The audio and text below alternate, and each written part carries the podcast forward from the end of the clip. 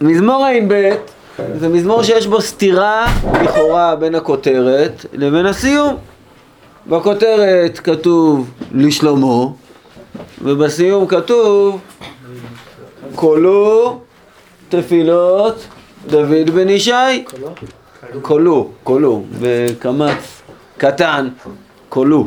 גם, אה, גם הספרדים ואלה שקוראים בהעברה ספרדית, אז זה עם קמץ קטן, קולו. קולו, כלומר כל אלו תפילות דוד בן ישי.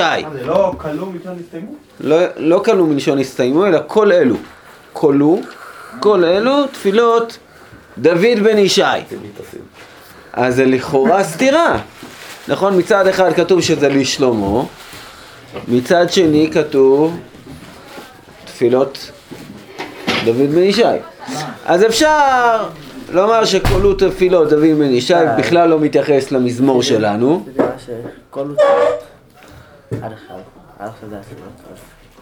מי חותם את זה? אז מי ה... מי, מי, מי חיבר את המזמור? דוד או שלמה? שלמה. נו, אז למה כתוב כל כל... כל... מפרק א' עד לפה זה מי, יגיד שזה כל ה... זה? כאילו, זה כל ה... שלמה עושה חזורת. שלמה. עושה חזורה.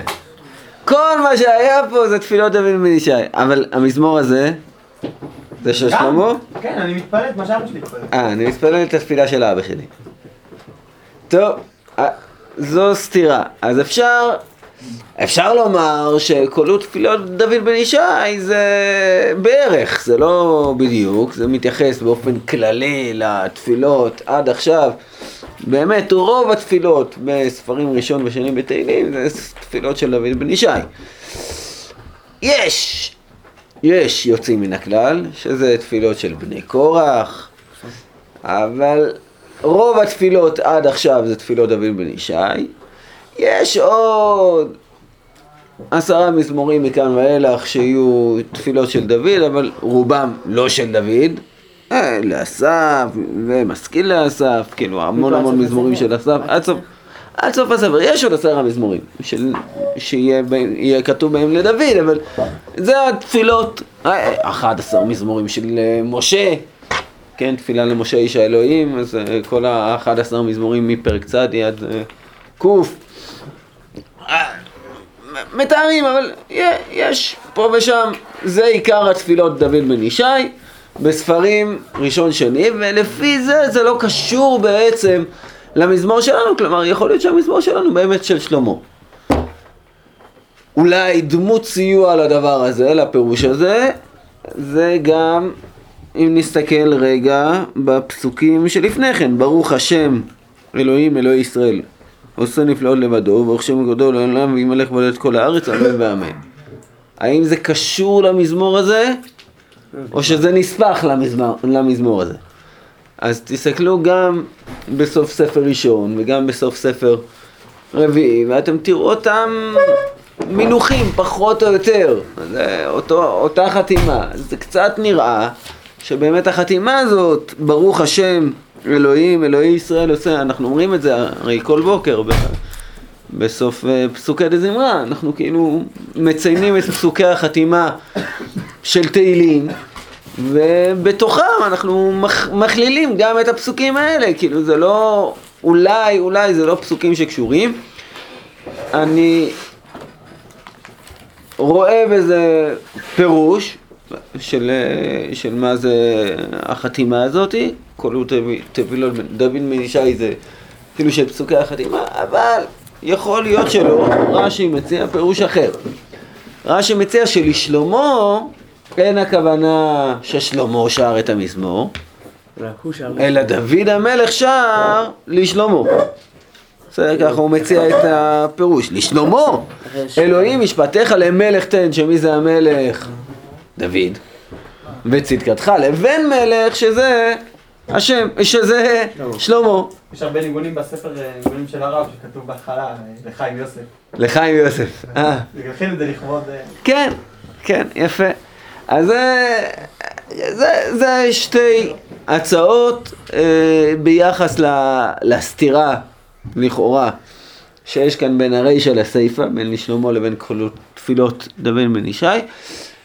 אה, אולי נציע עוד איז- איזושהי הצעה, אבל בשביל זה אנחנו ניכנס קצת יותר לפרטים של המזמור. אה, בכל אופן, אם אנחנו רוצים לנתח את המזמור, זה לכאורה יהיה על רקע שלמה. כי פתח פה, לשלמה אלוהים משפטיך למלך תן וצריך לבן מלך. וההצעה שנציע בעזרת השם זה שלא צריך בהכרח לקרוא את המלך וה, והבן מלך על דוד ועל שלמה, אלא כמו שאנחנו נראה מיד. אז בואו ננסה לקרוא קודם כל את המזמור, להבין מה הוא אומר, מה חסר בו, לכאורה, ומתוך זה להבין את המזמור. לשלמה אלוהים משפטיך למלך תן וצדקתך לבן מלך, ידין עמך בצדק וענייך במשפט. יישאו ערים שלום לעם, וגברות בצדקה, ישפוט עניי עם, יושע לבני אביון, וידכא עושק. זה בסך הכל מובן, נכון? הפסוקים האלו לא, לא חריגים, אה, אין בהם מילה חריגה, אבל פתאום יראוך עם שמש ולפני ירח דור דורים. מה זה? מה זה יראוך עם שמש? את מי? איפה יראוך? את, את הקדוש ברוך הוא, יראוך. מה? כמו שדיברנו קודם, נכון? כן. צדקתך, משפטיך, צדקתך, עמך, ענייך, יראוך. את הקדוש ברוך הוא. שכן. יראוך עם שמש, לכאורה את הקדוש ברוך הוא. להיות שזה משפט שיש לו עושה. משפטים. הוא השופט. אז מי יראוך? אלה שבין לדין. עוד פעם, ידין עמך בצדק, זה העמים של, של מי? של הקדוש ברוך הוא של... לא, הוא אומר לשלמה. הוא אומר לשלמה, יראוך, אה, דוד, בהנחה שזה דוד מדבר. תמיד לדבר. אז הוא מדבר לשלמה, ואומר לו, יראוך עם שמש, ולפני ירח דור דורים. בבוקר, בלילה. כאילו, מה זה יראוך עם שמש? צריך לירא ממנו. לראות. לראות לפניו. לא לראות? לראות. יראוך. יראוך. לא, לא, יראוך זה... יראו אותך, לא, יראה, יראוך. יראוך עם שמש, זה פסוק קשה. לא, לא. מלשון ראייה? זה יראוך. לא. לכאורה זה היה צריך להיות יראוך, אם זה היה לשון ראייה. טוב, אז נשאיר רגע את הפסוק הזה. מי זה ישפוט רק? מי זה? מי ישפוט? מי ישפוט לכאורה? אנחנו מדברים פה על המלך. ידין. עמך בצדק וענייך. מדבר אליו, פתאום אתה מדבר עליו. לא, עליו. הוא ידין עמך בצדק, יד, ידין את ענייך במשפט. ישפוט, הוא ישפוט את עניי המלך. העם, המלך. ויושיע לבני אביון וידכא עושק, זה חלק, זה התפקיד של המלך. ירד כמטר על גז, כרביבים זרזיף ארץ, מה ירד כמטר על גז? או המלך, או הצדקה, אולי השמש, או משהו. ירד, ירד כמטר על גז, כן, כמו מטר שיורד על דבר גזוז, כאילו על, ה, על דשא גזוז או עשב גזוז, וכרביבים זרזיף הארץ, כמו רביבים שיורדים, מזרזפים לארץ. יפרח בימיו צדיק, זאת אומרת אם יורד גשם, אז צדק, צדיק, בעצם צומח, נפו, יפרח בימיו צדיק ורוב שלום עד בלי ירח. מה זה עד בלי ירח? יפרח בימיו צדיק. מה, מה זה עד בלי ירח? איזה ביטוי מוזר, עד בלי ירח. של המלך. של המלך. כן, נכון. אז וימיו אנחנו יודעים שמה הם. מה, מה הם הימים שלו? לפני ירח, יראוך, אם שם לפני ירח דורדורים. אז גם כאן יפרח בימיו, זאת אומרת, כל הזמן יפרח הצדיק, הצדק, יפרח, והרבה שלום עד בלי ירח, כאילו בימיו כל הזמן. יפרח, הוא היה ראשון חודש, בסוף חודשים, בסוף זמן. אה, אולי ירח זה כמו שקיע הלילה, אז יש ירח. עד בלי ירח. עד בלי לילה, כן, תמיד, לא. לעולם, לא יהיה סוף לשלום, כמה שלום שיהיה. וירד, מי? מי ירד?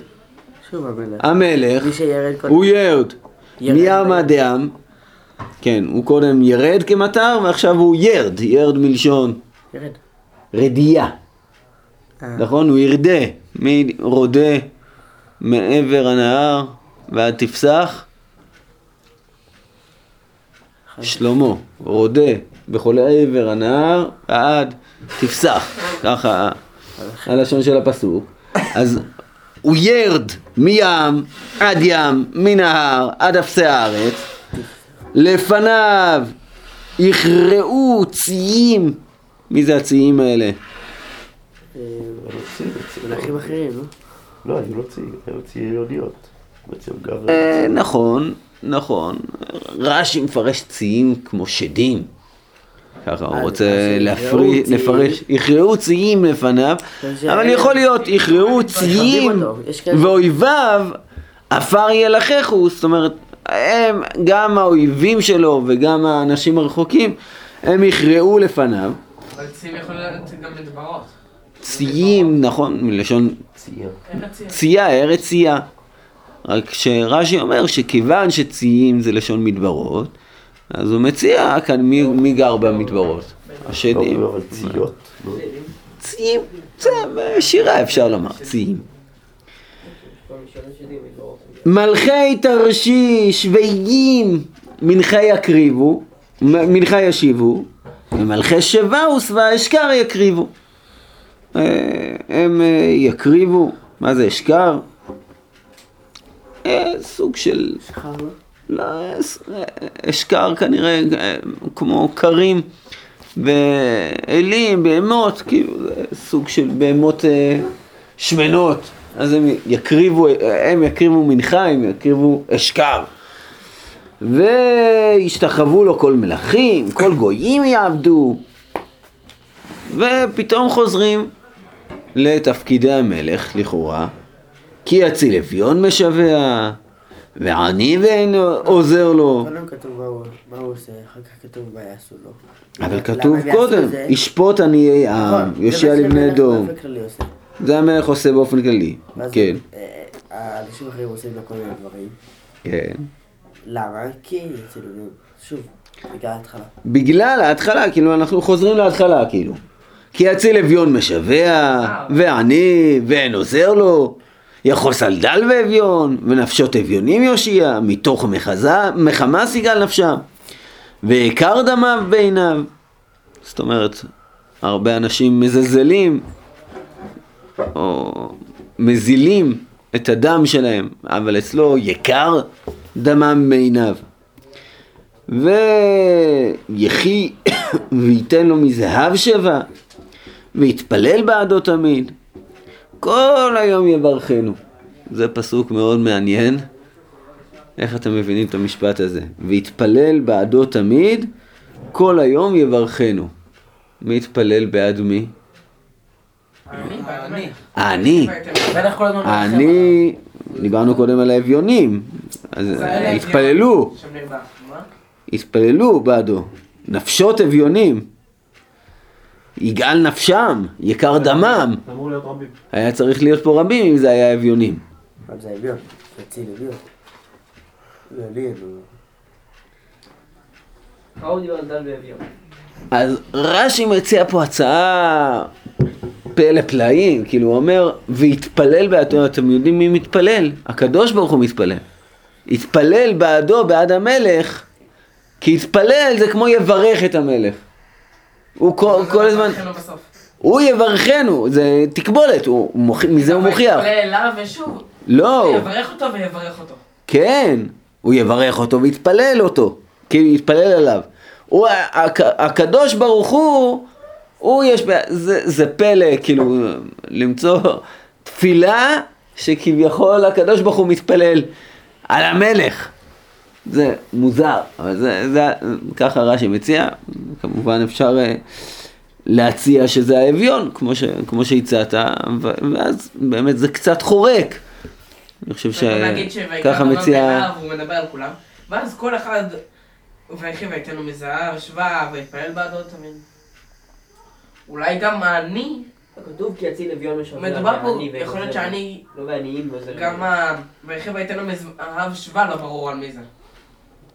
כן, אז אני אומר, רש"י לפי הפירוש שלו, אז הוא מציע, ויחי המלך, וייתן לו הקדוש ברוך הוא מזהב שווה, ויתפלל בעדו תמיד, וכל היום יברכנו. כאילו, הקדוש ברוך הוא כל, כל היום יברך את המלך. על המלך. יתפלל על המלך, יברך את המלך, כאילו הקדוש ברוך הוא.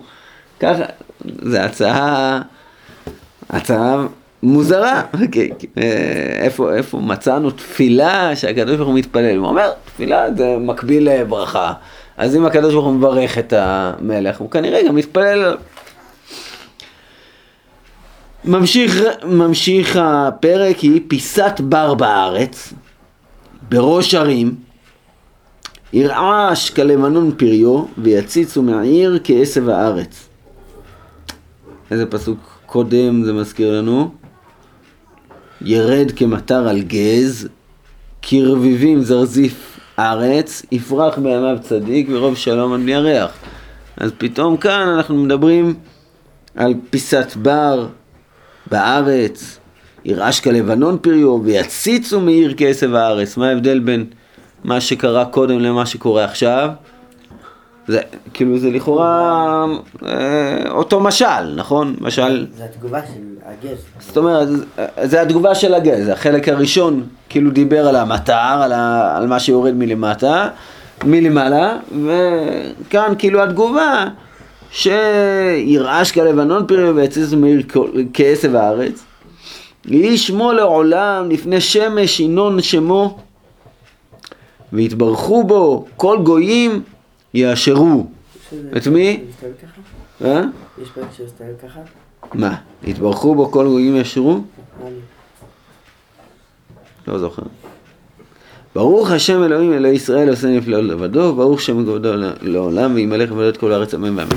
טוב, אני לא יודע אם הבנו לגמרי כל מילה ומילה פה, אבל בכל זאת אני חושב שהבנו מספיק בשביל לנסות להבין קצת יותר את הפרק, נתנו איזשהו ציור על הפרק כולו.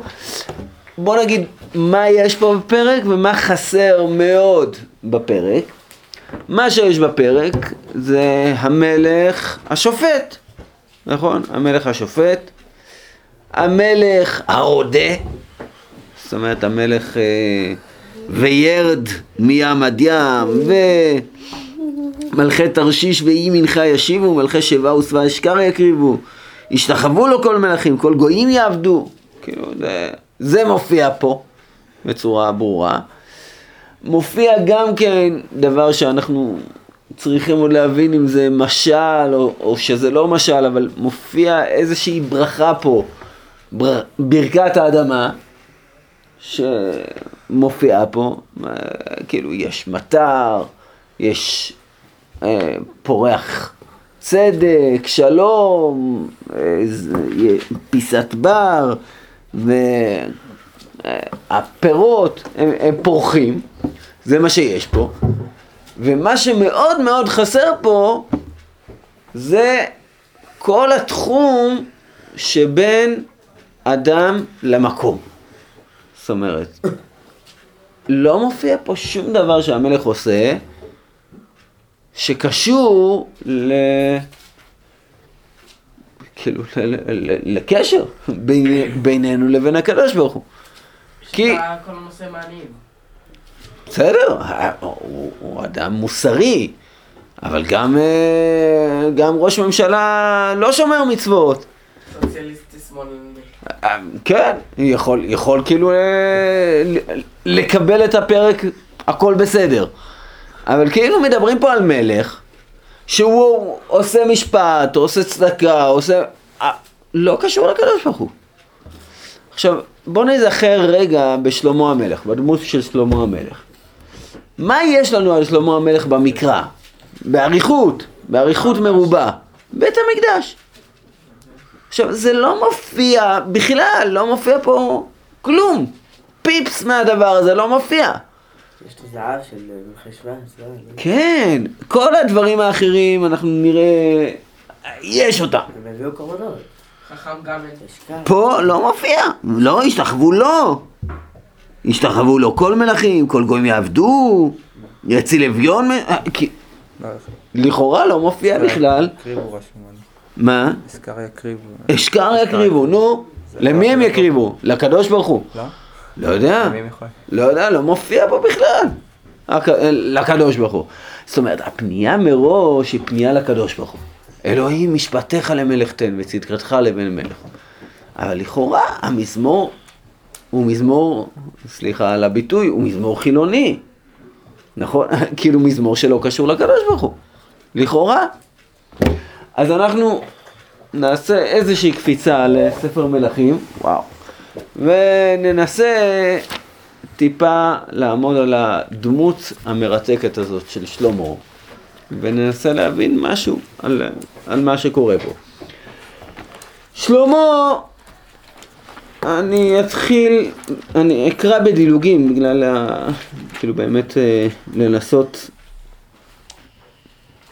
לנסות קצת להקיף, אז בגבעון נראה זה פרק ג' בספר מלכים, פרק ג' פסוק ג', מלכים א', ג' ג', ויאהב שלמה את השם, ללכת בחוקות דוד אביו, רק בבמות הוא מזבח ומקטיר, וילך המלך גבעונה למזבח שם כי היא הבמה הגדולה, אלף עולות יעלה, המלך, יעלה שלמה על המזבח ההוא, ואז יש לו חלום. בגבעון נראה השם אל שלמה בחלום הלילה, ויאמר אלוהים שאל מה אתן לך? ויאמר שלמה אתה עשית עם עבדך דוד אבי חסד גדול כאשר הלך לפניך באמת ובצדקה ובישרת לבד עמך. ותשמעו לו את חסד הגדול הזה ותיתן לו בן יושב על כיסאו כיום הזה. ועתה השם אלוק, אלוקיי אתה המלכת את עבדך תחת דוד אבי. ואנוכי נער קטון לא יודע צאת ובוא. ועבדך בתוך עמך אשר בחרת, עם רב, אשר לא ימנה ולא יספר מרוב, ונתת לעבדך לב שומע, לשמוע את עמך, להבין בין טוב לרע, לשפוט את עמך ולהבין בין טוב לרע, כי מי יוכל לשפוט את עמך הכבד הזה? ויטב הדבר בעיני השם, כי שאל שלמה את הדבר הזה ויאמר אלוהים אליו, יען אשר שאלת את הדבר הזה ולא שאלת לך ימים רבים, לא שאלת לך עושר, ולא שאלת נפש אויביך, ושאלת עליך הבין, לשמוע משפט. הנה עשיתי כדבריך, הנה נתתי לך לב חכם ונבון אשר כמוך לא היה לפניך, ואחריך לא יקום כמוך, וגם אשר לא שאלת נתתי לך גם עושר, גם כבוד, אשר לא היה כמוך איש מהמלכים כל ימיך, ואם תלך בידך לשמור חוקיי ומצוותיי כאשר הלך דוד עבדיך, וערכת את ימיך. זה, זאת אומרת, הבקשה הראשונה, אפשר לומר שביקש, נכון, החלום הראשון ששלמה ביקש מהשם, הוא ביקש ממנו משפט, לדעת לשפוט, לשפוט את העם, ומיד מסופר על המשפט המפורסם, משפט שלמה, שתי נשים שבאו אליו, ואומר לו הקדוש ברוך הוא, קיבלתי. קיבלתי את הצפייה שלך, אתה גם תקבל לב חכם, אתה תבין, לשמוע משפט, וגם תקבל אריכות ימים, תקבל את מה שלא שאלת, עושר, כבוד וכולי וכולי. עכשיו, אנחנו ממשיכים. אה, סוף פרק ד' אה, כתוב יהודה וישראל רבים ככל אשר על הים לרוב אוכלים ושותים ושמחים ושלמה היה מושל בכל הממלכות מן הנהר ארץ פלישתים עד גבול מצרים מגישים מנחה עובדים את שלמה כל ימי חייו מסופר באריכות על הלחם שלו ומה היה לו, על הסוסים שהיו לו. ויתן אלוהים, אני קורא בפסוק, פרק ה' פסוק ט', ויתן אלוהים חוכמה לשלמה ותבונה הרבה מאוד, ורוחב לב ככל אשר על שפת הים, ותרב חוכמה שלמה כחוכמת כל בני קדם. מחוכמת כל בני, מחוכמת כל בני קודם, מכל חוכמת מצרים. ויחכם מכל האדם, מאיתן האזרחי, ואימן, וכלכל ודרדע, בני מחול, ויהי שמו בכל הגויים סביב, וידבר שלושת אלפים מש- משל. וישירו חמישה ואלף, וידבר על העצים מן הארז אשר בלבנון ועד האזוב, אשר יוצא בקיר, וידבר על הבהמה, ועל העוף, ועל הרמס, ועל הדגים, ויבוא מכל העמים לשמוע את חוכמת שלמה, מאת כל מלכי הארץ אשר שמעו את חוכמתו. בפרק שלנו זה לא מתואר כחוכמה שבאו לשמוע, אלא כמשפט, כצדקה, שוועת עניים, עשוקים. לא, לא מתוארת החוכמה שלעצמה בתור איזה תיאור, תיאור החוכמה. כאן, כאן זה ממש מתואר שבאים לשמוע את החוכמה שלו. וכאילו מספר גם אה, הסיפור אחר כך שאנחנו נפגוש אה, והשם נתן חוכמה לשלמה כאשר דיבר לו, היה שלום, ואז מסופר באריכות רבה על בניית המקדש. ועכשיו אנחנו נקרא מה קרה בפעם השנייה ששלמה פגש את הקדוש ברוך הוא. אז אה, אחרי, אנחנו מדלגים הרבה הרבה הרבה, כל זה על בית המקדש עד פרק ט', פסוק ב'. כאילו זה כמה דפים טובים, מסופר על בניין המקדש. ויירא השם אל שלמה שנית, כאשר נראה אליו בגבעון, זאת אומרת, התורה, התנ"ך מדגיש שזה אותה התגלות, אותו סוג התגלות שהייתה לו בגבעון. ויאמר השם אליו, שמעתי את תפילתך ואת תחינתך אשר התחננת לפניי. הקדשתי את הבית אשר בנית לשום שמי שם עד עולם, והיו עיניי וליבי שם כל הימים. ואתה, אם תלך לפניי כאשר הלך דוד אביך, אביך בתום לבב וביושר לעשות ככל אשר ציוויתיך חוקה ממשפט אל תשמור והקים אותי את כיסא ממלכתך לישראל לעולם כאשר דיברתי על דוד אביך לאמור לא יכרת לך איש מעל כיסא ישראל. אם שוב תשבו, תשבון אתם עומדיכם מאחריי ולא תשמרו מצוותיי חוקותיי אשר נת- נתתי לפניכם. והלכתם ועבדתם אלוהים אחרים ושתחוויתם להם והכרתי את ישראל מעל פני האדמה אשר נתתי להם ואת הבית אשר הקדשתי לשמי השלח מעל פניי והיה ישראל למשל ולשניה בכל העמים והבית הזה יהיה עליון על כל עובר עליו אישום ושרק ואמרו על מה עשה השם ככה לארץ הזאת ולבית הזה ואמרו על אשר עזבו את השם אלוהיהם אשר הוציא את אבותם מארץ מצרים ויחזיקו באלוהים אחרים וישתחוו להם ויעבדו על כן הביא השם עליהם את כל הרעה הזאת. אז כאילו הנבואה השנייה, אם הנבואה הראשונה הייתה לשמוע חוכמה, הנבואה השנייה של השם הייתה לומר לשלמה, תקשיב, שלמה זה יפה, מאוד יפה, מה שבנית לי, אבל אני אומר לך, שאם אתה לא תשמור את חוקות השם, ואתה לא תעבוד את השם, אז uh, כאילו הבית הזה לא שווה שום דבר. לא, לא, לא. השקעת הרבה, אתה התפללת שאני אהיה שם, אני אהיה שם. אני אומר לך אבל שזה זה על תנאי. זה שאני נמצא פה זה על תנאי. האם שלמה עמד בתנאי הזה או לא עמד בתנאי הזה?